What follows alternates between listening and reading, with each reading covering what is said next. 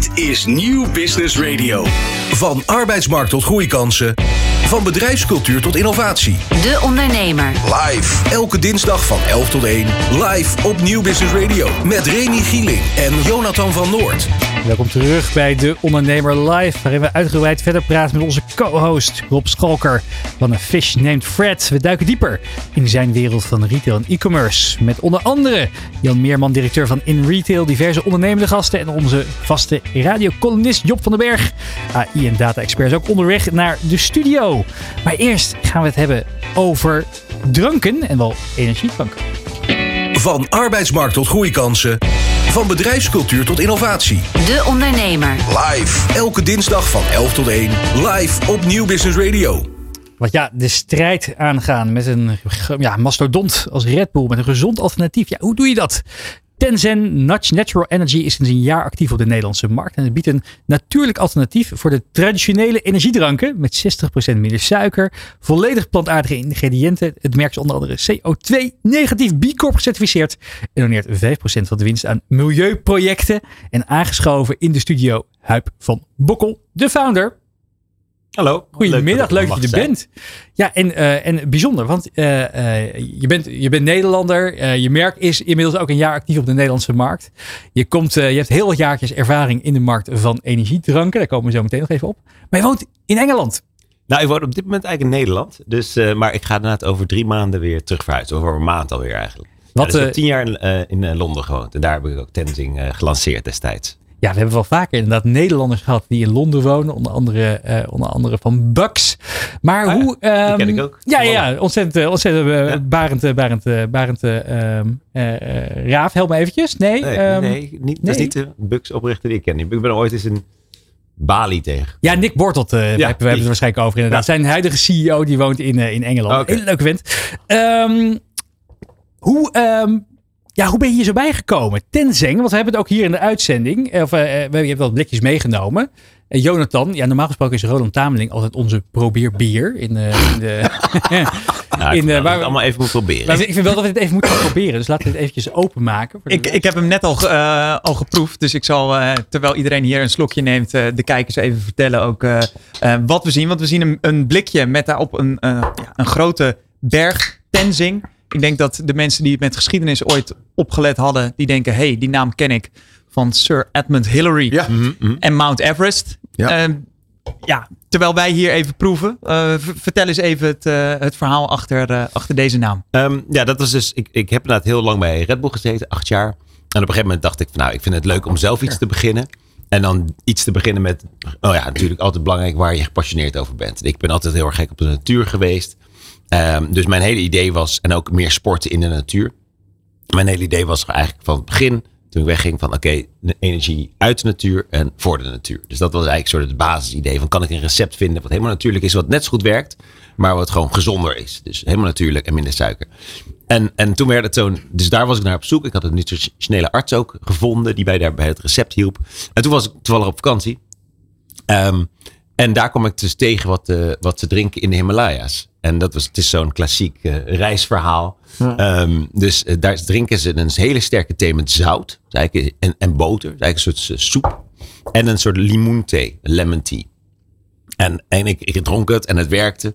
En ik, ik heb toen mijn arts meteen, die nutritionele arts uh, gemaild van is dit een, werkt dit nou? Is dit nou scientifically proven, zeg maar? En hij zei ja, dat is een triple hit van natural caffeine, vitamin C en electrolytes. En dat werd toen eigenlijk de basis van het recept. Um, en toen dacht ik zelf meteen, want een naam vinden is ongelooflijk moeilijk. Want als je dus zeg maar een naam vindt in deze, dit segment, is gewoon hetzelfde als bier, frisdrank, jus, alles. Um, dus eigenlijk alles is al genomen. En toen, toen ik, maar toen ik dat recept dus zag, dacht ik meteen aan het woord Tenzing, aan de naam Tenzing. Mijn vader was een enorme Tenzing-fan. Die was denk ik een jaar of tien toen uh, Sherpa Tenzing inderdaad uh, de berg beklom in 1953. Precies, want voor de mensen die hun aardrijkskunde en geschiedenis niet op orde hebben. We hadden Sir Edmund Hillary die als eerste op de Mount Everest kwam. En uh, ja, nou, dat is helemaal niet duidelijk. Wie nou van de twee, want hij had een Sherpa bij zich. Ja. Tenzin Norgay. en ze hebben nooit eigenlijk verteld wie als eerste uh, op de top kwam. Ja. Maar samen uh, is het ze gered. Ja, en precies, daar is deze drank naar vernoemd. Ja, dat is vernoemd. Maar mijn vader was het enorme. Die hield echt van de underdog en van dat soort verhalen. Die zat me altijd dat te vertellen. Van, dit is, is er waarschijnlijk geen mooier verhaal van iemand die echt van hele eh, ja, heel- van heel weinig kwam en letterlijk de top van de wereld bereikt heeft. En dat is dus zo mooi aan Tenzing. En ik, zing betekent ook energie in het Engels. Dus voor mij was het bijna een soort van spiritueel momentje waar ik dacht, wauw, dit is een geweldige naam. En hij was beschikbaar. En toen was het heel mooi, want toen ging ik naar, moet je naar zo'n trademark office in, eh, in Londen was ik daarna weer. En eh, ik, heb ik dan eigenlijk de permissie nodig, want Sherpa Tenzing was inmiddels overleden van de familie. En die zei toen, nee, heb je niet nodig. Want eh, Tenzing is eigenlijk een hele ja, bekende naam daar. Heel veel mensen hebben de naam. Hetzelfde als je in, in, in Azië je naam, je merk Henk noemt. Ja. Dat mag ook. Ehm, dus, dus, maar toen dacht ik, nou, ik wil dat toch. Ik wil toch die... Het is eh, wel zo netjes misschien. ja, precies. Ik wil toch, er zijn er overigens heel veel merken die het niet hebben gedaan. Er zijn en andere segmenten, ook mensen die, die een merk Tenzing hebben genoemd. Maar ik ben er dus heen gegaan. Mijn familie heeft uiteindelijk hun hele familie ontmoet. En daar hebben we een soort van samen een, eh, ja, een deal gemaakt om eh, samen dit te lanceren. En eh, zij zijn zeg maar partners sinds, sinds het begin. Daar Ja, gaan we eh, dieper op in. Jij hebt je eerste slok genomen. Ik heb mijn eerste eh, slok genomen. Remy. Ik moet, ook even een korte, ik moet er eerst even een korte, eh, hoe heet het ook alweer als je een... een- Tasting note. Ja, is een tasting note, maar ik bedoelde een rectificatie doen. Ik noemde net Barend Raaf, dat is de founder van Carve.com, ook een mooi bedrijf. Ik had het natuurlijk over Jorik Naaf, de CEO van Bucks, Ja, die ook oh ja, in. Londen woont. Ik heb inderdaad het blikje opengemaakt, Tenzing. En ik moet erbij zeggen, ik ben van nature helemaal geen energiedrankdrinker. Eh ik heb hier de Natural Energy gemaakt van raspberry en yuzu. hè, Zo'n Mhm. hele fijne, eh beetje, beetje citrusvrucht uit Japan. En het is echt waanzinnig lekker. Ja, ik vind het, nou, eh, ik vind het eh, echt heel goed wat je hierbij hebt gemaakt, Huip. Wat, Ja. wat ehm, eh, vertel, vertel eens eventjes wat meer over die achtergrond. Je komt natuurlijk uit de markt van, van Red Bull onder andere. Ja, Red Bull is natuurlijk een waanzinnig bedrijf die, die, het, die, het, die het merkspelletje helemaal heeft, heeft uitgespeeld van A naar B. Er zit wel heel erg veel suiker in. Was dat Mhm. ook een van de redenen dat je dacht, nou, ik wil iets gezonders op de markt gaan brengen? Ja, absoluut. Ik, ik, ik had gewoon, ik had, dit, wat, dit moet ook beter kunnen. Dat is, het is gewoon zo'n klassiek eh, verhaal van, eh, ik dacht, oké, dit moet beter kunnen. Het merk, ik was gek op het merk nog steeds. En het product dacht ik van, dat moet gewoon veel beter kunnen. En daarom, daar, ik heb er ongeveer een jaar over gedaan om al die recepten te vinden. Dan ook dat suikerniveau is een heel belangrijk aspect. Hè? Want wat jij nu ook zegt, in Engeland hebben we al heel veel data al. In Nederland wat minder. Maar daar zien we dat de helft ook geen energiedrankgebruiker was daarvoor. Dus het zijn gewoon mensen die nieuw in de markt komen. Die dus, je hebt het natuurlijk, in Nederland is het precies hetzelfde. Best wel, je hebt, net als jullie zeiden, een collega van jullie die het wel dronk. Hè? Je hebt een soort van de mensen die je weet, die drinken het. En de andere mensen drinken het echt niet. En dat is ook onze, zo zien wij het ook, gewoon als een manier om die markt groter te maken. Hoe, eh, hoe bereik je die mensen dan? Want je moet ze natuurlijk wel eerst even over de streep heen trekken om, eh, om eh, het te gaan proberen. Dus hoe bereik je nieuw, die nieuwe klanditie die hiervoor nooit, nou, zoals ik, Ja. eh, die hiervoor nooit die energiedranken aanraakte? Ehm, ja, dat is, kijk, ik denk elke ondernemer, je zal het eh, weten, is gewoon heel naïef. Dus ik dacht toen ik begon, dacht ik, oké, ik wist gewoon dat heel veel mensen zich zorgen maakten om, om de artificiële ingrediënten, om de hoge suikers. Ik weet ongeveer, en we hebben laatst weer onderzoek gedaan, 80% zou liever een natuurlijke energiedrank drinken als je dat gewoon vraagt. Dus ik dacht, ja, je zet het op de markt en, eh, en, eh, en, Kassa. en daar gaat het. maar zo werkt het niet. Dus zeven jaar buffelen al inmiddels. Ehm, ja, en het is gewoon een mix van heel veel samplen. Dat doen we ook al. Heel veel gewoon dat mensen laten het product proeven. Zoals je nu proeft, dan Ja. merk je gewoon, het is heel anders. Hè. Het smaakt niet aan- naar een energiedrank, omdat die suiker zoveel lager is. En omdat het allemaal natuurlijk is. Maar wat we ook heel veel doen, is wij gaan ehm eh, echt de communities die voor ons belangrijk zijn, daar doen we allemaal dingen voor. Dat is een beetje ook mijn basisfilosofie in, in eh, ja, marketing of business, hoe, hoe je het noemen wil. Dus wij begonnen eigenlijk met het bolderen. Dus ik weet niet of je bolderen kent. hè. We hebben natuurlijk die klim. Het wandklimmen? Ja, het Ja. wandklimmen. Met de eerste marketing die ik gedaan heb, is dus eh, van die bins bouwen in Nepal richting Everest. Nou, daar hebben we natuurlijk niet heel veel awareness mee gecreëerd. Want we hebben er nu inmiddels twaalf. Dus met de zoon van eh Sherpa Tenzing zei van oké, hoe kunnen we daar, eh, nou zeg maar, die, die, die was veel meer, heel veel littering was er daar. Sorry hoor, mijn Vervuiling. Vervuiling, ja, Ja. sorry. Ik ben nog steeds eh, met veel te veel Engelse woordjes. Ehm, en, en toen zeiden we, hoe kunnen we dat eh, veranderen? En toen hebben we dus allerlei prullenbakken gebouwd. Dus onderweg naar, naar, naar, naar, naar Everest. En ehm, ja, dat is natuurlijk het minst sexy marketingprogramma wat je doet. Prullenbakken bouwen van mijn eerste geld. Maar vandaar hebben we gekeken van hoe kan je nou ehm, eh, dat ook in Engeland groter maken. En boulderen is een hard groeiende sport. Ik ben er zelf ook gek op. En dat, dat hebben we toen van het begin af aan eh, gedaan. Er zijn ongeveer 200 hallen in, eh, in, in de UK. En wij liggen daar bij ongeveer 95%. En we zijn het grootste drankje in die hele wereld. Dus we kopen daar meer dan ja, coke. Zelfs meer dan koffie in sommige van die plekken. Dus dat, daar geloof ik heel erg in. Eén, omdat je niet, we hebben niet genoeg budget of ja, mensen Nee, Je kan niet resources tegen om eh, gewoon de hele wereld te pakken. Je kan niet tegen F1-wagen gaan bestikkeren. Nee, precies. En, niet, en we zouden ook niet willen. Eh, en daarom, eh, ja, gewoon een soort van binnen Lo- Londen Centrum en dan Bolderen Nationaal. Ja, en daarna ja. hebben we bijvoorbeeld rennen gepakt. Zeiden van, oké, rennen, ook iets wat ik heel graag doe. Eh, dan hebben we dan bepaalde, bouwen we bepaalde tools voor renners. Wat we, een van onze leukste dingen die we gedaan hebben, was ik, ik ren heel veel in Londen. Ook om zelf maar jezelf gezond te houden, mentaal, als je zo'n bedrijf eh, aan bezig bent. Want het is best pittig. Ehm, en toen las ik op een gegeven moment kwam ik terug dat je gewoon als je rent in Londen dat het eh, eigenlijk slechter is om te rennen dan niet te rennen door de slechte lucht. Ja. Enorm veel smog. En dat was een stuk van Imperial College. Dus dacht ik, die heb ik hun benaderd. En toen hebben we samen, ze hebben live data, maar die kende niemand. En hebben we met Strava samengewerkt. Strava kennen jullie? ren, Ja. Een Ja. ren-app of een, fiets-app. en. En toen hebben we dat dus, die data gecombineerd. Als je onze app downloadt, dan hij die data van Imperial, die live pollution data, met Strava. En dan kan je dus, zodra je gerend hebt, staat er meteen een score. Je kan van tevoren checken en, je- en zodra je gerend hebt. En die is in 2020 in eh, Engeland uitgeroepen tot de, ja, de, de app that will change your life door men's health. Dus nummer één. Dus dat, dat zijn we die mooie dingen. En dan doen we echt iets voor renners. Dus we helpen renners schone lucht vinden om in te rennen. Ja. En daardoor creëer je dus zeg maar een, ehm, ja, een fanbase in, in de ren eh, community. En Jonathan, jij vertelde dat je laatst ook op een festival was waar dit ook volop verkrijgbaar was. Zeker. Mijn, mijn eerste ervaring met Tenzing was eh, laatst op Digital. Het eh, eh, eigenlijk openingsfestival van het, eh, van het festivalseizoen. eh, op de Amsterdamse NDSM-werf. En daar zag ik toch wel bijzonder vaak blikjes eh, Tenzing voorbij komen. In hoeverre past eh, de, de festival scene in dit verhaal? Want het is toch wel heel erg sportminded. Ja, dat is een hele goede vraag. Want ehm, ik kende Jasper Goosen toevallig. Oprichter van van Apenkooi. En, eh, en ik volgde hem ook omdat hij heel erg over sustainability. Hè. Dat- Heel Apenkooi gaat altijd over sustainability. Digital is dus volledig circulair. Bijvoorbeeld, zij werken alleen maar met plant-based eten. Eh, ze werken niet meer met Coca-Cola. Dus ze werkt alleen nog met de ene traditionele drankje waarmee ze nog werkt. Dat was nog Red Bull. Dus zij benaderden ons eigenlijk. En toen dacht ik van, eh, ja, in Engeland hebben- werken we met geen enkel festival. Omdat we dat haakje eigenlijk niet konden vinden. Omdat het eigenlijk altijd gaat over dus gezondheid en sustainability. En energie. Nou ja, en dus bij festivals kwam het niet echt. eh, de energie wel, maar geen gezondheid en sustainability. En hier zagen we dus die sustainability angle.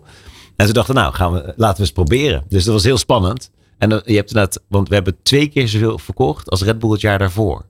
Op digital. Dus dat laat ook zien. En veel meer in de non, in de, niet in de mix. Maar ho hoewel je op zo'n festival misschien dat niet echt eh, kan overbrengen. Want Nee. mensen staan lekker te dansen. Wa- wa- wat is dan toch het, het geheim van jullie Ik succes? heb echt geen Dat- flauw idee, moet ik zeggen. Ik, de enige theorie die ik dat, omdat het inderdaad echt lekker is en verfrissend, dat het gewoon daar als een toch een, ja, mensen, iemand kocht het dan wel en zei het van, goh, dit moet je proberen. Het kan niet anders dan als een soort lopend vuurtje over het festival zijn geweest. Want letterlijk twee, keer- Gek. twee keer zoveel verkocht. Ja. Rob, Wel goed verhaal, man. Ja, jij, ja. als storytelling eh, Ja. guru, hoe, hoe, eh, hoe luister jij Smullen hier dit. naar? Ja, dit is smullen. Geweldig. En eh, authentiek. Want dat is denk ik toch wel de, de les die we hier nu, eh, nu leren. Je verhaal moet authentiek zijn. Je moet het menen. Eh, hè, die hele B Corp eh, certificering van jou, dat is Ja. niet eh, eh, greenwashing. Daar geloof je in en alleen Ja. dan landt het. Ja, absoluut. Dus wat wij bijvoorbeeld ook doen, wij zijn dus zeg maar carbon negative. Wij halen weer, wij compenseren onze CO2. Maar dat doen we pas als laatste punt. Je krijgt heel veel negatieve eh, connotaties ook. Ja, je maakt heel veel, eh, ja, je doet heel veel CO2 de lucht in en daarna compenseert. Maar wat wij dus bijvoorbeeld doen, is wij, zet, wij zijn als enige frisdrank ter wereld. Samen, Oatly doet het ook. Hebben wij dus carbon label. Je ziet dus het, ik weet niet, oh, hier zie je het. Je weet hoeveel je vervuilt met Ja. de aankoop van dit Je blikje. ziet precies hoeveel carbon footprint elk blikje heeft. Dus, dus dat is ook, wij zeggen niet we zijn carbon negative of neutral. Zo van, nou, wij doen ook niet voor alsof we er helemaal niks uitstoten. Natuurlijk stoten we alles, eh, van alles uit. We verminderen dat zoveel mogelijk. We hebben vier punten eigenlijk. We weten het ten eerste. Ik denk dat 90% van het bedrijf al genees weet hoeveel hun producten uitstoten. Nou, hoe kan je iets managen of naar beneden brengen als je het geen eens weet? Dan tweede, eh, laten we het dus zien drie verlagen we het dan zover mogelijk. En als we, dat, als we wat we niet kunnen verlagen, doen we dus eh, zeg maar compenseren. Super transparant. Ja, nou, precies. Je hebt ook al gezegd dat, je, dat, het- dat het een, een, een rit is met vele hoogtepunten. Zoals de Ja. mooie bergen, maar ook Ja. diepe dalen. Ja. Wat zijn een aantal van die dalen geweest waar je mee te maken hebt gehad? Nou, ehm, het is gewoon altijd pittig, denk ik. En dat houdt denk ik niet ook echt op. Ik weet niet. jij- Het ondernemerschap aan zich? Of, wat, of het leven? Hoe- hoe, hoe diep gaan we? Ja. nou ja, het is gewoon, kijk, in het begin, helemaal in het begin, begin je natuurlijk zoiets. En ik had best wel een soort van, nou, eh, goede baan. met een assistent. En die zei ik tegen de assistent, maar ik regel even een afspraak met die persoon. En die persoon was dan binnen een week op mijn kantoor. Weet je, en ik wist wel dat het natuurlijk niet, was niet voor mij, maar om de vele marketing uh, ponden die ik had en uh, het merk achter me. Maar als je dan weggaat en je, niemand wil een afspraak meer met je maken, is dat gewoon best wel heftig. Ja. En ik weet nog, ik weet nog, ik, toen ik begon, en dan ga je dus met die netwerken binnen die food and drink uh, industrie, in start-up industrie in Londen. En iedereen zei, je moet dan zo trickle, dat trickle-down model. Probeer eerst bij Selfridges. Ik weet niet of je Selfridges mm -hmm. kent. Nou, dat ja. is allerhoogst aangeschreven, zeg maar, warenhuis ja. in Londen. En dan Harrods. En dan ga je naar Whole Foods. Dan ga je naar Waitrose. Dat was echt zo'n trickle-down. Weet je, begin premium en ga dan langzaam, zeg maar, naar meer mainstream. Nou, en ik weet als bij Selfridges, uh, die reageerde die mail. Of één keer had hij gezegd, niet geïnteresseerd. En dat was zeg januari 2016 net begonnen, ijskoud. En ik kwam er en ik hoorde dat je daar ook heen kon gaan. Dat, want zij, hun kantoren zitten boven het warenhuis. En dat ze altijd naar beneden komen. Dat is zo'n Selfridges ja, beleid. Dat ze naar beneden komen. Dat, dus ik had dat gehoord. Britse, Britse beleefdheid. Britse beleefdheid. Maar ja, die hield snel op. Want ik kwam daar dus aan met mijn blikje. En die man die kwam op de trap aflopen. En die was halverwege de trap en zag mijn blikje. En hij zei, I told you I wasn't interested. En rende weer naar boven. En ik heb echt gehuild. Ik was echt zo, ja, dit is, dit is mijn eer. Want in mijn, in mijn hoofd was dat, dit is de manier, weet je, dat check down. Als de eerste al nee zegt, en was ik al een maand mee bezig of ja. Uh, dan is het dan verloren, weet je wel. En ja, het is dus echt enorm. En je moet heel creatief zijn en blijven gaan. Een ander mooi voorbeeld was toen bij uh, Sainsbury's, een hele grote supermarkt. Die wilde ook geen afspraak, kreeg, kreeg geen eens reactie. En toen had ik dus Jamling, de zoon van de, de Sherpa Tenzing, had gezegd, joh, wij, zouden we een vlag van Sainsbury's en uh, Tenzing op Mount Everest kunnen krijgen. En uh, hij zei, ja, man, ik heb een goede vriend, die gaat uh, over maanden boven. Dus die heeft die vlag mee naar boven genomen. Wauw. Een foto gemaakt, mee terug naar beneden. En toen zijn we naar het Sainsbury's hoofdkantoor gegaan. En toen zeiden we, ja, we want to meet the buyer. En toen zei die receptionist van, nou ja, heb je een afspraak? Zeiden we, nee. Nou ja, ik had er niet zonder afspraak. En toen lieten we die foto zien. Zo, we came from the top of the world and we're not leaving until we meet the buyer. toen kwam iedereen erbij. En volgens mij dachten ze dat ik het ook was, want die man had zo'n masker op. dus dat heb ik maar zo gelaten. Maar toen ook heel mooi, want we hebben een uur gewacht. Uiteindelijk geen buyer. Dus uh, toen zijn we weer teruggegaan. En uiteindelijk kregen we een mail uh, niet unannounced op ons kantoor komen, alsjeblieft. weet je wel? Dus dat, uh, maar toen hadden we wel een mail. Dus dat was de eerste. Oh, dank je, leuk dat je mailt. Weet je wel? En zo, dus uh, een jaar later lagen we daar. Weet je? En liggen we nog steeds. En een goed verhaal. Klant. Dus het is echt. Oh, mooi. Dat zijn de leuke verhalen. Hè? Dus ja. dat zijn waar het ook lukt. Soms lukt het ook echt niet. Was het in Nederland makkelijker? Want je ligt dus ook bij de grote supermarkten tegenwoordig. ja, absoluut. In Nederland was het wel iets makkelijker, omdat we al het succes in Engeland konden ja. laten zien. Dus zeg maar de eerste. en het is ook wel een. Ja, zeg maar, als je het hebt over een uh, mensen begrijpen het ook vrij snel. Hè? Je hebt de energiemarkt, die is heel groot. Uh, en we hebben een beter alternatief, een gezonder alternatief. Dus dat, dat is eentje die zeg maar, makkelijk over de bühne te krijgen is. Maar dan het tweede stuk van mensen overtuigen om het te drinken. Dat is natuurlijk een, een, een grotere stap. Ja. Dus je bent niet met een uh, Jumbo-vlag uh, op de Vaalsenberg. Uh. nee, nee, nee, nee, nee, nee. Nee, dat is, was niet nodig, gelukkig. Hoeveel kan je eigenlijk drinken? Een beetje gezond op een dag? Eigenlijk zit er gewoon evenveel in als een kop koffie. Dus het is, het is ook van groene koffie gehaald. Okay. Dus nogmaals, het is eigenlijk het is een groene thee, groene koffie. Wat, wat vitamine C van de, van, de, van de vruchten die erin zitten. En electrolytes van de Himalayan Rock Salt. Dus het is gewoon, ja, als jij gewoon in plaats van je kopje koffie kan je er gewoon, uh, ja, hoeveel mensen drink je dat? Ik drink er ongeveer twee per dag. Dat, daar laat ik het bij. En Huip, uh, je achtergrond ligt bij Red Bull. Kijken ja. die nu met een heel jaloerse blik naar jou van shit, dat hadden wij toch, uh, toch willen hebben? Hoe, hoe is het contact? Um, ik denk altijd bij, dat, bij oude bedrijven dat de mensen die me toen leuk vinden, vinden me nog steeds leuk. En die mensen me toen een lul vonden, vinden me misschien iets grotere lul. dus, um, Wat een positieve manier om naar te kijken. ja. Nee, maar ik, ik, hele, ik heb altijd met heel veel plezier gewerkt. En uh, er is volgens mij helemaal geen... Kijk, en je bent nog relatief... We groeien dan wel heel hard. En we zijn in Londen bijvoorbeeld de nummer drie nu. Wat best wel groot is. Want in Engeland heb je veel meer. In, Nederland is best wel apart. Dus Red Bull is echt gewoon by far de grootste. Maar in Engeland heb je gewoon de Monster, Relentless, Rockstar. Allemaal van Coca-Cola. Dus, en wij zijn dus Relentless en Rockstar gewoon voorbij in Londen nu. En Rockstar van Pepsi en Relentless van Coca-Cola. Allebei al 20 jaar op de markt. Dus we groeien ook de, als hardste al jaren. Dus um, ik, ik, denk dat ze wel langzaam misschien kijken dan meer, steeds meer kijken. Uh, maar ik geloof hey, niet dat Monster of een Red Bull kunnen dit niet doen, denk ik. Ambitie? Kijk, uh, twee dingen is er net. Uh, we willen niet op een F1 wagen. Misschien Formule E. Nee, ik, nee toch Nee? niet. Nee, want het, niet bij? heel veel- nou, heel veel van die, kijk, heel veel van de CO2-uitstoot van die FE is natuurlijk allemaal die vliegtuigen. erheen. Volgens Ja, mij dat daadwerkelijk die paar rondjes draaien valt nog mee. Het gaat die hele, hele personeel en al die vliegtuigen in, in de vliegtuigen zetten. En, eh en de vliegtuigen, de privéjets die Max Verstappen vervolgens eh, niet kan laten door zijn En als dan zo'n grote partij een keertje bij je aanklopt, als Red Bull of Coca-Cola of PepsiCo, van eh, goh, kunnen we misschien een kleine overname doen? Ja, nou ja, kijk, ik, ehm, ik zit daar toevallig best wel middenin nu. Van eh, wat gaan we daarin doen? Hè? Want je zit op een gegeven moment kom je ook wel. eh, ja, je moet natuurlijk blijven investeren. Maar mijn droom is altijd, was altijd en is nog steeds om het gewoon zelf te blijven doen. Dus als dat kan, dan, eh, dan wil ik, dat, is dat eh, mijn grootste doel. Prachtig verhaal. Ik vind het eh, ontzettend mooi wat je hebt neergezet. En met eh, heel veel hard werken en prachtige bak aan ervaring die je hier vandaag hebt gedeeld. Dus we blijven het met heel erg veel plezier volgen. Je hebt in ieder geval één fan erbij. Jonathan? Ja. Twee. Drie. Drie! Ja, zeker Hoppa. Vier, is het rond? ja, oké. Zelfs technicus Daan. Dit is fantastisch. Dankjewel voor je komst. Ja. Huip van Bokkan, heel erg veel succes. Oké, super. Onwijs leuk om hier te zijn. Dankjewel.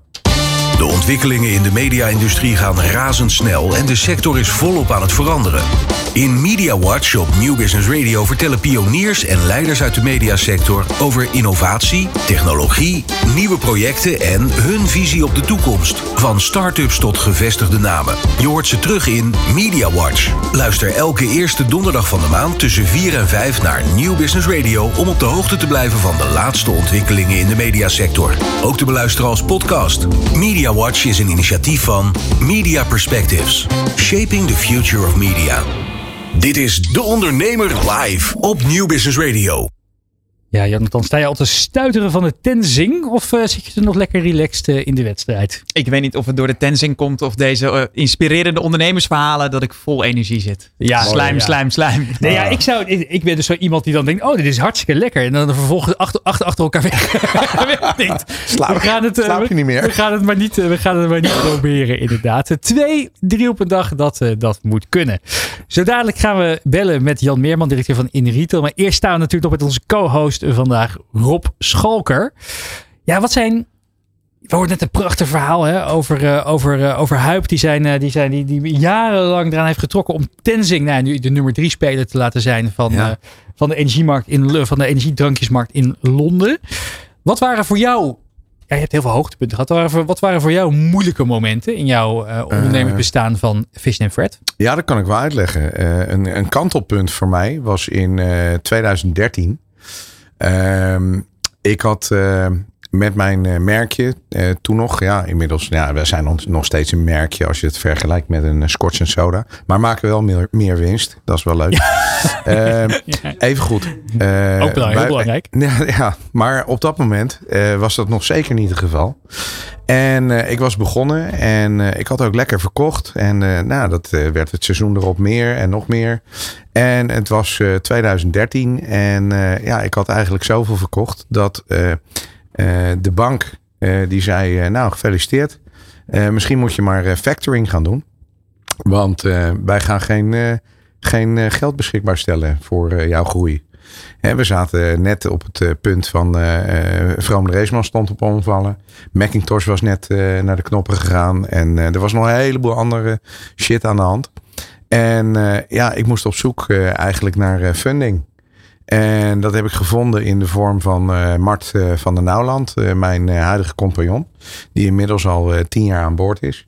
En eh, hij heeft eigenlijk eh, ons, eh, ons concept gestructureerd. Oftewel, hij heeft de, de nodige hulp ge- geboden die, die nodig was. Ja, A, om het bedrijf structuur te geven. En hij doet nog steeds sourcing en finance.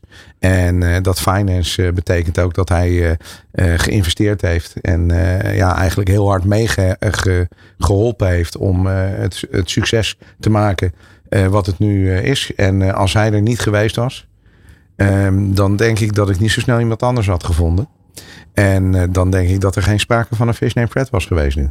dat zie je natuurlijk veel in de modemarkt. Hè? Dat veel onder, hè, creatieve ondernemers zoals jezelf ook soms heel hard groeien. En dan uiteindelijk toch het- dat, dat juist die financiële kant, dat je daar een hele stevige basis voor nodig hebt. Ook een heel complementair persoon juist. Zeker weten. En, en zeker iemand die heel anders is dan ik. Eh, maar goed, eh, wij Hij zitten loopt niet de hele dag met een eh, oranje vis onder zijn arm. Mm, mm, nou, soms wel. Maar uh, nee, we, we, zijn heel erg complementair aan elkaar. En, en we zitten ook niet de hele dag in elkaars tuin te harken. In de zin van uh, dat we continu weten uh, wat we van elkaar wat we aan het doen zijn. Ik bedoel, het moet ook een stukje vertrouwen zijn. Dat is de ene kant. En de andere kant, dan kun je ook het, het succes samen vieren. En ja, goed, dat is wel een van de, van de downsides geweest in, uh, in 2012, 2013, toen we, toen we eigenlijk net onderweg waren. En ja, eigenlijk wel het verhaal sloeg wel aan. Alleen ja, het moest wel uiteindelijk eh, betaald worden allemaal. Ja. Daarover zometeen meer. Maar eerst gaan we het hebben inderdaad over de wonderenwereld van de retail. En de combinatie van de stenenwinkel en online. En dat doen we onder andere met Jan Meerman, directeur van In Retail. Hij hangt aan de lijn. Jan, goedemiddag. Goedemiddag. Jan, waren uh, net eigenlijk ook de vraag die we hebben gesteld aan, aan Cor Molenaar toen hij er was. Ja, de, de, de, de winkelmarkt, of de retailmarkt anno 2023. Waar staan we? Geef ons eens een beeld. Oei. Een hele brede vraag. Nou, daar kan ik er heel lang antwoord op geven. maar uh, tot, tot tot nu toe vind ik die combinatie on- en offline nog steeds de grootste succesfactor. Als je dat allebei goed invult, dat is het gouden uh, model. Uh, tenzij je super, super specialist bent in of in online of in uh, alleen fysieke winkel. Mm -hmm. Maar als je praat over de retail nu, vind ik eigenlijk de combinatie on- en offline goed geïntegreerd in je bedrijf. Dat vind ik eigenlijk de gouden combinatie. Wat, uh, wat valt je op? Wat, voor, wat zijn formules die je voorbij ziet komen en denken, oh wauw, dat, uh, dat vind ik een moderne manier van naar de retailmarkt, uh, van, de, van de retailmarkt benaderen? Nou ja, kijk, er is niet één element wat zeg maar, het verschil maakt. Maar als je dus zeg maar, probeert het toch uit te drukken, dan vind ik, je moet als ondernemer een uniek verhaal hebben, iets unieks hebben. En dat ook echt inhoud kunnen geven naar de klanten. En het tweede, uh, ja, en dat vind ik nog steeds heel belangrijk, is je moet zorgen dat je in je team mensen om je heen hebt die dat ook begrijpen. Dus de menselijke factor, waarin je het verschil nog een keer nadrukkelijk ook laat zien. Dat, ja, dat wordt steeds belangrijker. Dus het verhaal en daarmee eigenlijk het ondernemerschap plus je team. Dat zie ik eigenlijk als de meest belangrijke elementen waardoor je onderscheid kan maken. Ja, en dan zeg ik van nou ja, dan kun je dat op alle niveaus invullen. Hè. Ik bedoel, op Zeeman doet het heel goed omdat hij denk ik een heel goed verhaal heeft. Maar ook een Omoda schoenenwinkel. Die doet het ook extreem goed. Ja, dat zijn dan toch de mensen die het verschil maken. Maar zo zien we natuurlijk ook gewoon ja, hele kleine spelers. Ik, heb, ik, ja, ik, ik had vorige week contact met Enrico Moda en Goes. Eén winkel, fantastische ondernemer. Die echt op een heel hoog niveau laat zien dat hij toegevoegde waarde creëert. Ja, dus we zien het door de hele sector heen. Maar wel als voorwaarde, je moet uniek iets kunnen bieden. Waardoor die consument ook echt jou uh, die uh, omzet gunt en die uh, verkoop gunt. Heb je daar misschien een voorbeeld van? Wat je bent tegengekomen in Nederland of in het, in het buitenland? Want we hebben het al eerder in de uitzending inderdaad gehad over hè, die beleving creëren. Wat zijn middelen waar we dan aan zouden kunnen denken? Wat, wat, wat, ja, we kunnen natuurlijk aan ChatGPT vragen, maar we vragen het liever aan jou. nou ja, kijk, nogmaals, niet één element is er, maar als jij uh, uh, een winkel hebt op dit moment, het zij on- of offline, begint het eigenlijk met: ken ik mijn klant heel goed en snap ik wat mijn klant wil? En uh, ja, dat noemen we dan in, tegenwoordig in de klantreizen. Hebben wij goed in de gaten hoe die klant koopt en wat hij wil, wil hebben? En daar begint het toch mee. Hè? Dus aan de ondernemerskant een goed verhaal en een goed team. Aan de commerciële kant zorg dat je je klant tot in den treuren kent. En maak je klant als het ware gewoon vriend van, het, uh, van, van jouw bedrijf of van jouw organisatie. En als je, ja, als je een vriend hebt, ja, dan durf je alles aan te vragen, maar ook alles aan te vertellen. Jonathan, wat wil jij hier nog van weten? Die combinatie is goud. En ja, ik, ik ben een beetje weg van dat woord beleving. Voor mij gaat het gewoon om, doe jij datgene wat de klant graag wil? En waardoor je die klant ook graag in jouw winkel komt, het zij fysiek, het zij online. En uh, Jan, hoe kunnen winkeliers aan die kennis komen? Nou ja, het meest simpele is gewoon aan je goede klant te vragen wat, uh, wat ze uh, willen. Maar ook gewoon natuurlijk dicht op die klant durven te opereren. Hè? Dus durf jij je klant als vriend van het bedrijf te, te maken. Ik, ik, ja, ik zeg wel eens tegen ondernemers, heel vaak tegen ondernemers.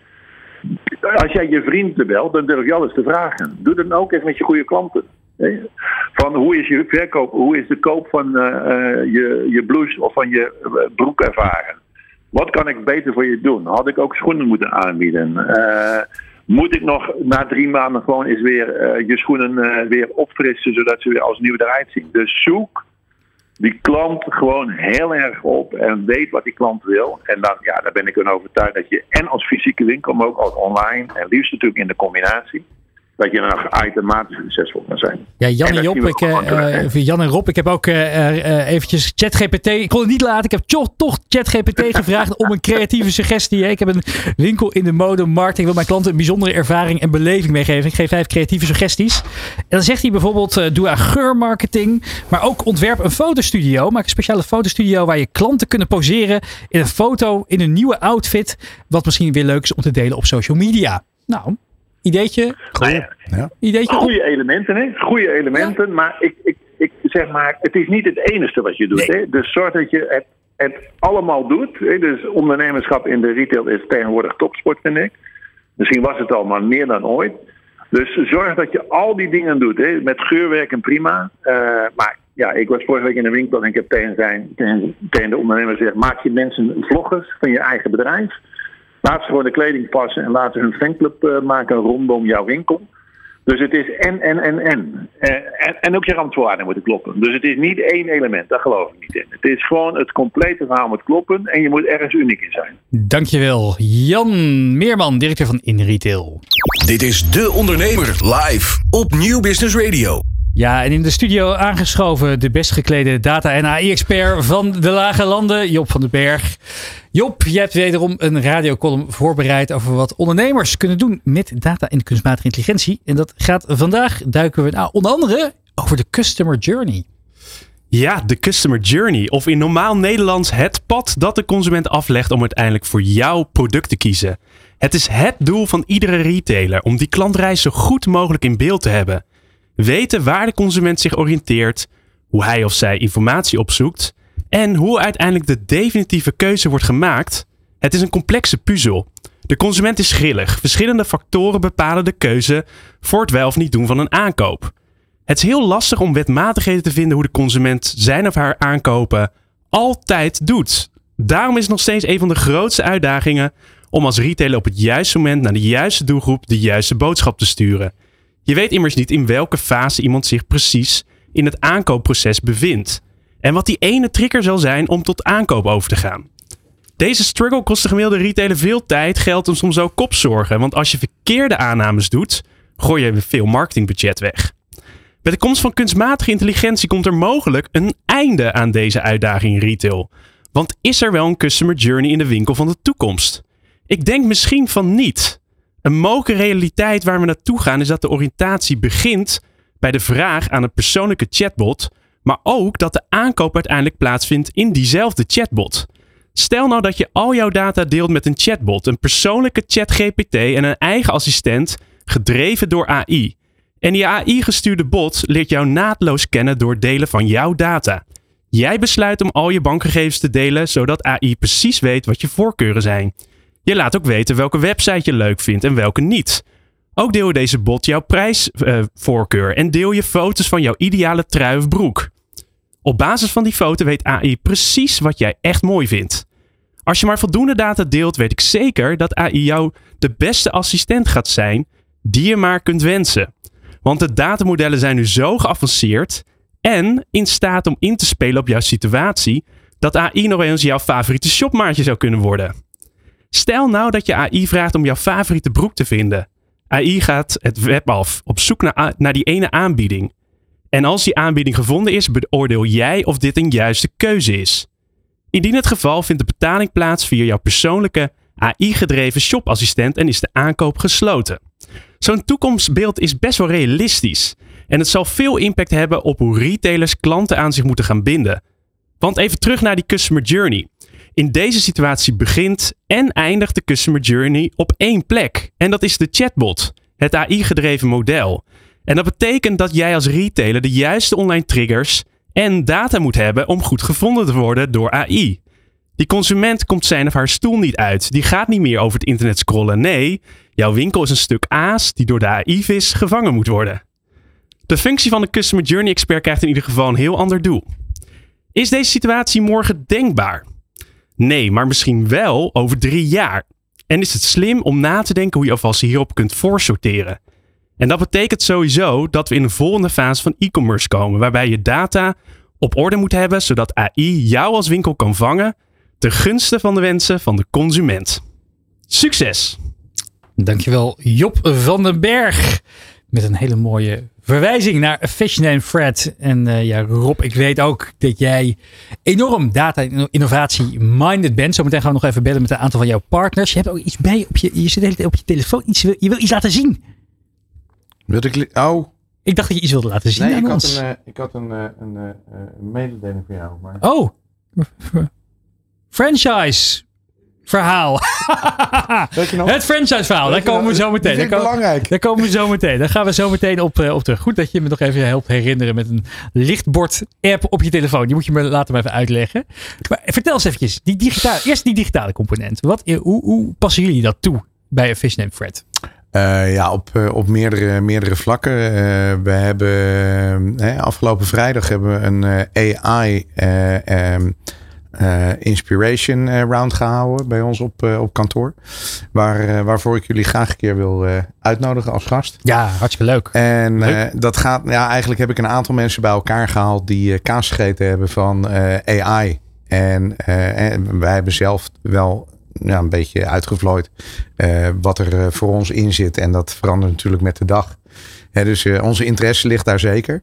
En wat we nu concreet aan het doen zijn, uh, we zijn nu bezig met een, uh, een clubje. waar bijvoorbeeld een, een man die heb ik leren kennen bij Skybox van Ron Simpson. En Albert. En Albert die heeft een, een bedrijf waarmee je zeg maar immersive experience kan maken in een winkel. Nou, is dat, uh, is dat relatief uh, uh, simpel. want zij zijn powered by Google. Oftewel, je loopt een winkel in. Je kunt rondkijken in die winkel. Je kunt naar Touchpunch toelopen. Maar de volgende stap is dat we in samenwerking met de Amsterdam Fashion Academy, met een student daarvan, bezig zijn om met het programma, Koreaanse programma Cloud 3D, turnaround video's aan het maken zijn. Waarbij je alle details van onze kleding kunt bekijken. Je kunt de kleding binnenste buiten keren. Je kunt het van binnen, van buiten bekijken. Um, en ja, dan gaat het nog een stukje verder. Want dan combineer je verschillende zaken bij elkaar. Nou, dat is een. En je vroeg een voorbeeld. Nou, dat is een voorbeeld van waar we mee bezig zijn. Uh, de volgende stap is dat je natuurlijk uh, artificial intelligence gebruikt om commentaar te geven op, op zaken. Daar zijn we ook mee aan het experimenteren. avatars zijn we aan het inzetten. Dus ja, weet je, er zijn zoveel meer dingen um, relevant op het ogenblik dan wat ik nu even kort kan zeggen. Uh, maar ja, dat is waar we, ja, wat ons nu op dit moment bezighoudt. Job? Er zijn zoveel mogelijkheden dat we denk ik ja. vooral ook uh, degene uitpikken die, uh, die het meeste resultaat oplevert. Um, wat ik beschreef over die customer journey. Ik ben sowieso benieuwd of je daar hetzelfde voor je ziet en of het realistische uitkomst is. Maar even los daarvan, denk ik dat mensen nu zo gewend raken om met ChatGPT te werken. Nou, iedereen heeft het wel een keer geprobeerd en snapt nu dat er echt iemand, een, een AI-bot, iets terug kan zeggen. Mm. Dat misschien die brug naar dat gebruiken voor, voor fashion of binnen retail misschien een kleine stap is. Ik ben benieuwd of je daarmee eens bent. Ja, ik ben het er wel mee eens. Daar, daar kun je zeker. Uh, nou, dat is geen kleine stap. Dat zijn uh, eigenlijk best grote. Uh, de kleine stap er naartoe, inderdaad. Daar heb je een punt.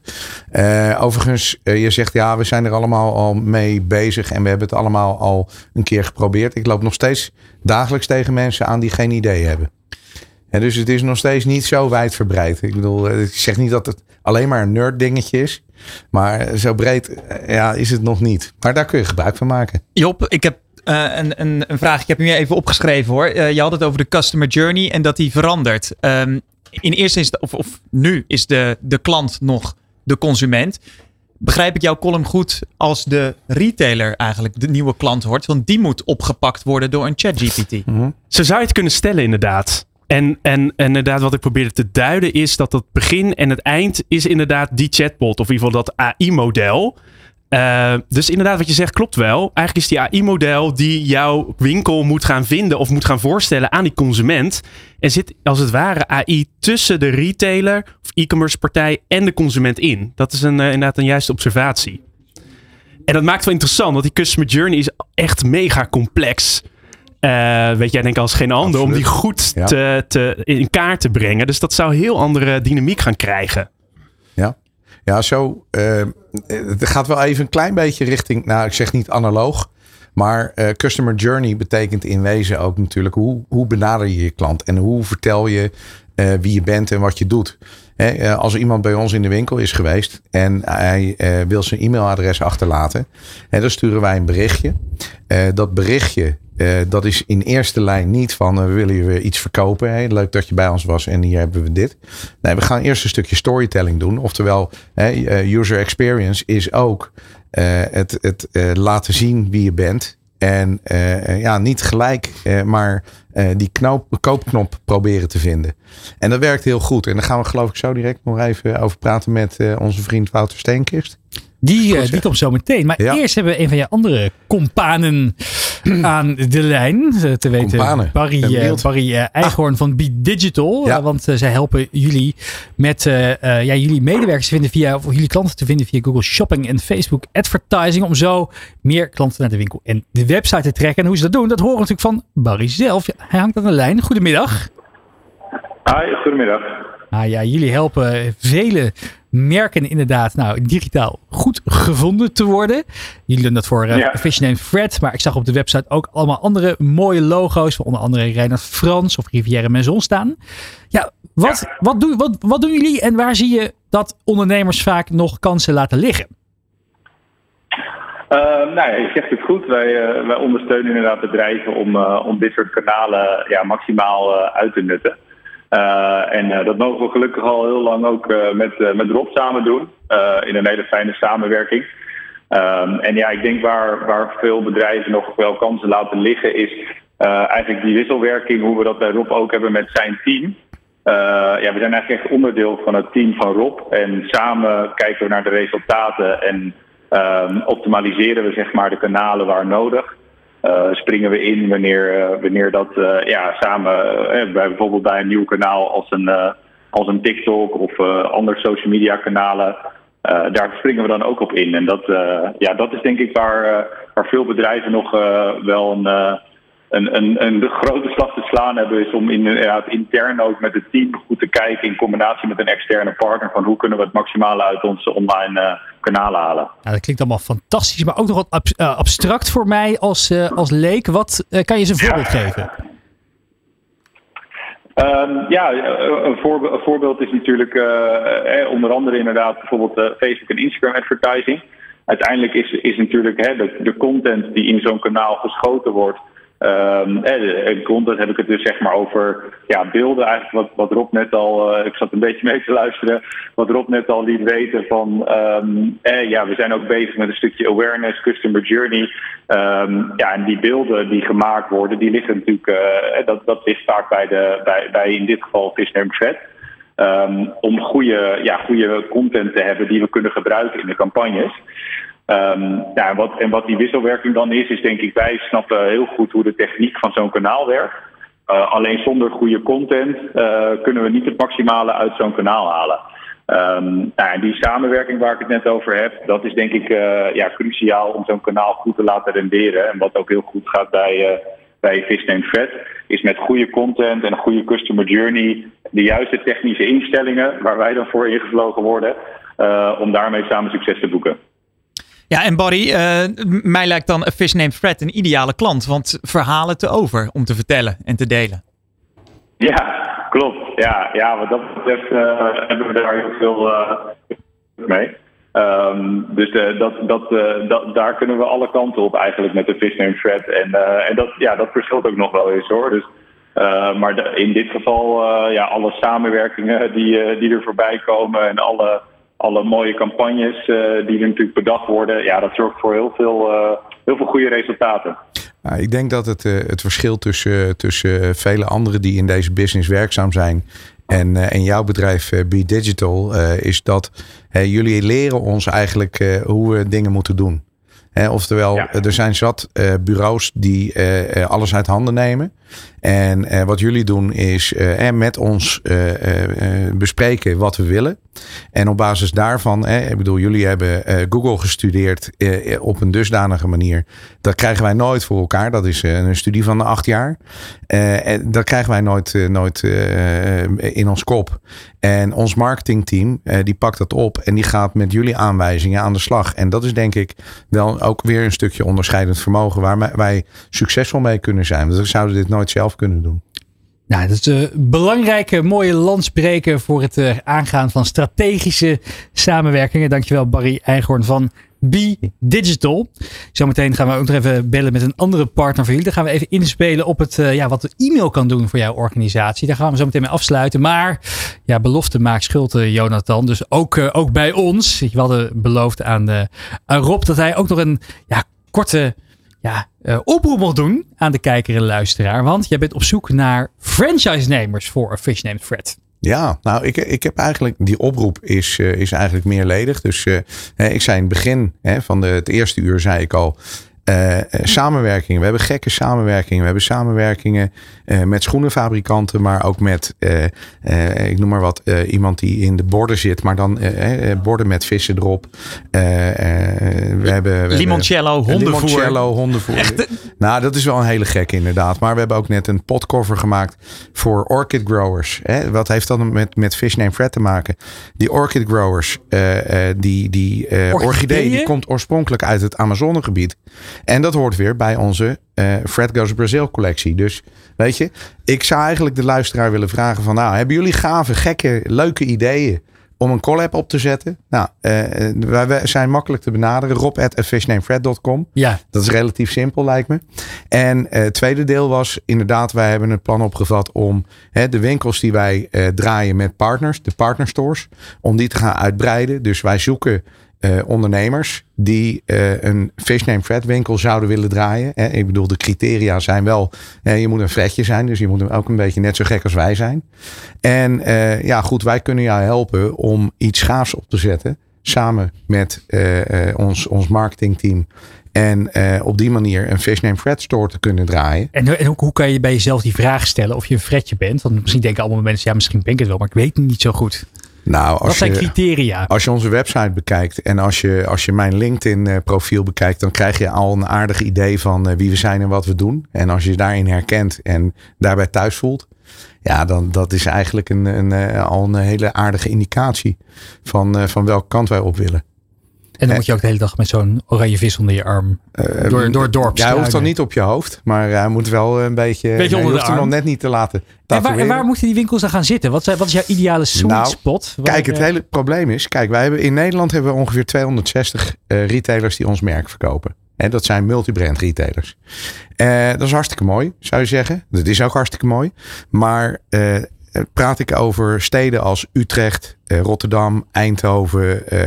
Dan hebben we daar nul klanten. Nul. Geen één. Geen enkele. Daar zitten namelijk nauwelijks multibrand retailers. En als ze er zitten, zijn ze of te laag om te liggen, om te of te hoog om te, te kunnen liggen. Uh, dus ja, dan ben je al snel uh, aangewezen op het openen van een eigen brandstore. En uh, wij vinden het veel leuker om met een enthousiasteling aan de slag te gaan en die te helpen met zijn eigen store op te zetten, dan dat we dat allemaal zelf willen doen. En we doen heel veel zelf, maar, maar winkels openen, dat is toch een lokaal dingetje. En als jij een winkel wil openen in een plaats. En dat hoeft niet een grote stad per se te zijn. Hè. Ik bedoel, een, een plek waar traffic is. Dat is gewoon het allerbelangrijkste. Dat hoeft niet een, een, een, een metropool te zijn. Dat kan, ook, dat kan Utrecht zijn, maar ook Hippolytus Hoef. Nou, dat zou bijvoorbeeld Volendam kunnen zijn. Of uh, Sluis, ik noem maar wat. Hè, waar, waar veel traffic is. Waar veel mensen komen. Um, en uh, ja, goed, dat, dat, is, dat is eigenlijk eerder van belang dan, dan uh, uh, ja, goed, dat je, dat je, dat je de, de, de, de beste locatie in die stad hebt. Hoewel locatie niet, niet het minst belangrijk is. Ja, niet, niet alleen nieuwe winkels openen jullie graag met partners. Ook jullie ja, digitale post verzenden jullie daarmee. Mooi bruggetje hè? Ja, heel mooi. ja. Want aan de lijn eh, hangt eh, Wouter Steenkist van Heroes Only, jullie partner als het gaat over de verzending van e-mails. En we dachten dat is wel leuk om mee af te sluiten voor de kijker en luisteraar. Een paar praktische tips over hoe je nou meer effect kan hebben met je e-mailcampagnes. Want ja, consument wordt natuurlijk doodgegooid met allerlei digitale aanbiedingen. En daar worden ze soms ook een klein beetje blind voor. Dus hoe zorg je ervoor dat die e-mail die je verstuurt nou wel geopend wordt? Wouter, goedemiddag.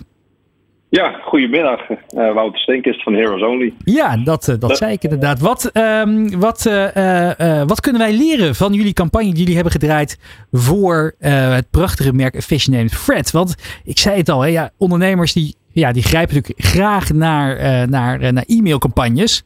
Maar ja, vervolgens beland je ergens in een of ander commercieel bakje en wordt die e-mail nooit geopend. Dus wat hebben jullie gedaan om dat, daar verandering in te brengen? Ja, dan breng je eigenlijk meteen het, uh, het, het, punt aan, zeg maar, waar ook gelijk het probleem zit. Want ja, op het moment dat jij in een bak terechtkomt met uh, duizenden anderen, ja, hoe zorg je dat je dan opvalt um, tussen alle grijze vissen, dat jij dan de, de oranje goudvis bent, om een bruggetje te maken. um, ja, het belangrijkste daar is dat je, dat, dat je relevant bent voor de ontvanger, voor, voor de consument. En er komen eigenlijk wel twee verhalen eigenlijk die uh, toen straks ook al ter sprake kwamen van, van in retail en B-digital eigenlijk samen. Eén ehm, is een combinatie maken van oké, hoe zorg je nou dat je offline, want daar heb je natuurlijk een hele stroom van consumenten, eh, en online gaat combineren. Want uiteindelijk is het dezelfde consument, of hij nou online of offline uh, uh, shopt. dus zie je het ook echt als één klant. Um, maak die inderdaad de vriend van, van het bedrijf, zodat je naar interesses kan vragen. Dan, dan word je echt relevant omdat je beter kan inspelen op iemands behoeftes, want die weet je dan. Um, ja, dan, en dan wordt eigenlijk, en dat is het andere verhaal, van ja, dan wordt juist wel die hele beleving en je, de, ook het inspelen op de customer journey, die beleving van, uh, van consumenten en van een merk, wordt wel heel erg belangrijk. Nou ja, wat dan uh, Rob extreem goed doet, is inderdaad dat stukje storytelling. En als je dat ook echt toepast in je e-mail marketingstrategie, dus voornamelijk zeker in de, in de, de voorkant van je customer journey, en dan ga je inzetten op engagement campagnes. Ja, als je daar storytelling goed kan toepassen, zodat je iemand meeneemt, oké, wat is nou de gedachte achter dat merk? Uh, waarom is het belangrijk dat, het, dat je een, binding krijgt met het merk? Um, ja, als je dat goed, goed toepast en je valt echt op, ja, dan uh, krijg je binding tussen consument en merk. En ja, dat, dat, dat zie je terug in het hele consumentengedrag erna. Ja, want jullie weten creativiteit en data heel goed te combineren. Er staan een paar mooie cases op jullie site waarbij je hebt gezorgd dat er 24% minder uitschrijvingen zijn voor e-mailcampagnes, 65% hogere open rates. Dus dat meer mensen die e-mail daadwerkelijk openen of 26% meer mensen doorklikken uit die e-mail naar een website toe. Heb je een concreet voorbeeld hoe, uh, hoe Fred dat, dat, dat, dat heeft gedaan? Je zei net al eventjes, hè, door het beeld van storytelling, gaan ondernemers te snel een product willen verkopen. Uh, voordat ze eigenlijk die binding zijn aangegaan. Is dat wat je zegt? Ja, ik, ik, ik vergelijk het een beetje met een liefdesrelatie. Uh, hoe je dat opbouwt. Als je het heel. Ja, stel, je zit in een, in, een, in een bushokje te wachten en er komt een uh, mooie dame op, een mooie hier naast je zitten. en het eerste wat je vraagt is: die heb je nog nooit gezien. Het eerste wat je vraagt, ga je met me mee naar huis vanavond? nou, de kans op conversie is vrij klein. Ja.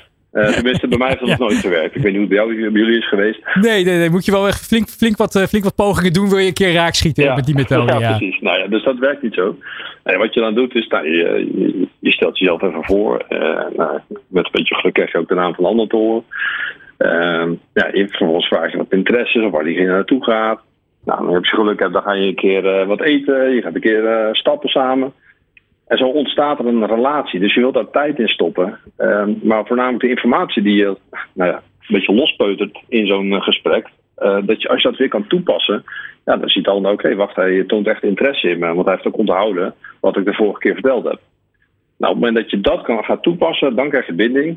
Ja, en dan is de kans tot conversie, wat het ook mag zijn, dan in een uh, liefdesrelatie, uh, is dan in ieder geval een stuk hoger. Maar Wouter, ik, uh, um, ik ben een notoire webshopper. Um, en ik, ik heb het even opgeschreven. Zelfs bij de grootste merken gaat het in mijn optiek fout. Ik krijg vooraf een bevestiging van mijn aankoop. Ik krijg daarna een mailtje dat het onderweg is. Daarna dat het bezorgd is. En daarna hoe het was. En vaak ook nog een mailtje of ik even een Google rating wil geven. Uh, totaal niet creatief, heel erg ja, pusherig. Hoe kan het dat zelfs de, grote, uh, de grootste merken dat fout doen? Ja, hoe dat kan, dat is uh, nou, ten eerste dan denk ik omdat die dan niet met ons werken. Uh, nee, ja, ik, ik denk dat het veel te veel vanuit de, de, het bedrijf zelf gedacht wordt en niet vanuit de consument. Want hoe ervaart hij nou dat hij zoveel mailtjes krijgt? Kijk, sommige zijn natuurlijk echt noodzakelijk. Hè? Je wil graag een factuur of een ordebevestiging. Maar als je dan ook nog gelijk, gelijk kort daarna een review krijgt, uh, een winkelmandje. Je wil heel erg nadenken over de maildruk. En, en misschien is het zelfs interessant om te gaan kijken, niet alleen maar e-mail te gaan toepassen, maar ben het ook eens een ander kanaal. Ja. Misschien kun je WhatsApp of sms ook wel heel sterk gaan inzetten. Niet iedereen is gevoelig voor e-mail. Uh, of op, het, op een ander moment is een ander kanaal wel veel relevanter. Ja, dan, dan kun je ook de combinatie goed gaan gebruiken. Ik ga het doorgeven, uh, ook al zijn het vaak no replies, uh, no reply e-mails. Ik ga toch uh, ja, ervoor zorgen dat, dat, ze het weten. We springen de bres op voor, voor betere e-mailcampagnes. de Wouter, dankjewel. Het zijn hele praktische tips waar we echt wat mee kunnen. En fantastisch hoe, hoe jullie met Heroes Only, nou ja, dus ondernemers helpen om echt effect te maken met e-mail. Leuk om er ooit nog een keer verder over te praten. Dankjewel. De Ondernemer. De Ondernemer live. Op Nieuw Business Radio. Ja, dan zitten we alweer langzaam maar zeker aan het einde van deze uitzending. Jonathan? Ja, ik heb hier wat, uh, wat opgeschreven. Dat wil ik toch even tegen, tegen Rob aanhouden. Uh, een, een Italiaanse modeterm. Ik vind Rob eigenlijk wel een soort sprezzatura-ondernemer. En voor de mensen die het niet kennen, sprezzatura, dat is eigenlijk de kunst van de ogenschijnlijke nonchalance. Dus eigenlijk denk je van, ah, dat heeft hij niet zo bedoeld. Maar daar is toch wel best over nagedacht. Rob, klopt deze ja, uh, visie van mij als het gaat over hoe jullie storytelling toepassen? Eigenlijk is over alles nagedacht, maar jij doet het voorkomen alsof dat zomaar uit die mouw Wel een prachtige term. Echt, nee. Wauw, sprezzatura. Ja, ik, vind hem, ik vind hem wel goed inderdaad. Het klinkt een beetje als een insinuatie aan de ene kant. Van, uh, ja, hoe spontaan ben je eigenlijk? Nee, nee, zo, zo bedoel ik niet. Maar, maar dat er wel over... Dat, dat je er heel bewust van bent. Nou, we zijn wel bewust van wat we doen. Maar hè, eh, voordat we begonnen met de uitzending zei ik al... Wij doen veel gekke shit. Uh, zonder er eerst heel hard over nagedacht te hebben. En eh, gaandeweg zien we dan wel eh, waar we uitkomen en of het een succes is en of we het herhalen. Eh, maar weet je, er wordt zoveel vergaderd. maar niet bij ons. ik bedoel, we geven wel eens een keer een teammeeting en dan, dan gaan we dingetjes doornemen. Maar het is niet zo dat we alles doodredeneren. En het is ook niet zo dat we alles helemaal eerst uitschrijven voordat we eraan beginnen. We proberen heel veel uit. en along the way zien we dan van, oké, dit gaat goed, dat gaan we, daar gaan we meer van doen.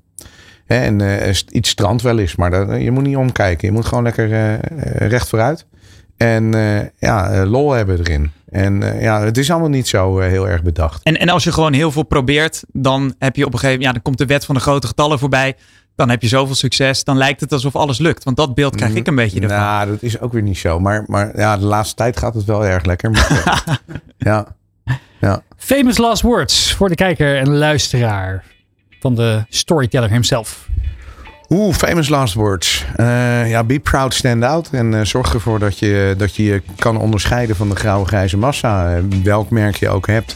ja, je moet, je moet uiteindelijk moet je het verschil maken. Als je een beetje om je heen kijkt, moeten wij ons ook nog een beetje onderscheiden? Nou, ik heb wel een beetje spijt dat ik geen doos met kleren heb meegenomen. maar daar is altijd nog een volgende keer voor. Nou, dat is een mooie komma en geen punt voor de uitzending. Dankjewel voor je komst vandaag op Schalker van de Fish Name Fred. En voor meer van dit soort wijsheden Ga je lekker volgen op LinkedIn? Ja, dat kan altijd. Gezellig. Dit was hem voor deze week. De Ondernemer Live terugkijken en luisteren kan via YouTube of je favoriete podcastplatform. Heel graag tot volgende week. Van arbeidsmarkt tot groeikansen. Van bedrijfscultuur tot innovatie. De Ondernemer. Live. Elke dinsdag van 11 tot 1. Live op Nieuw Business Radio.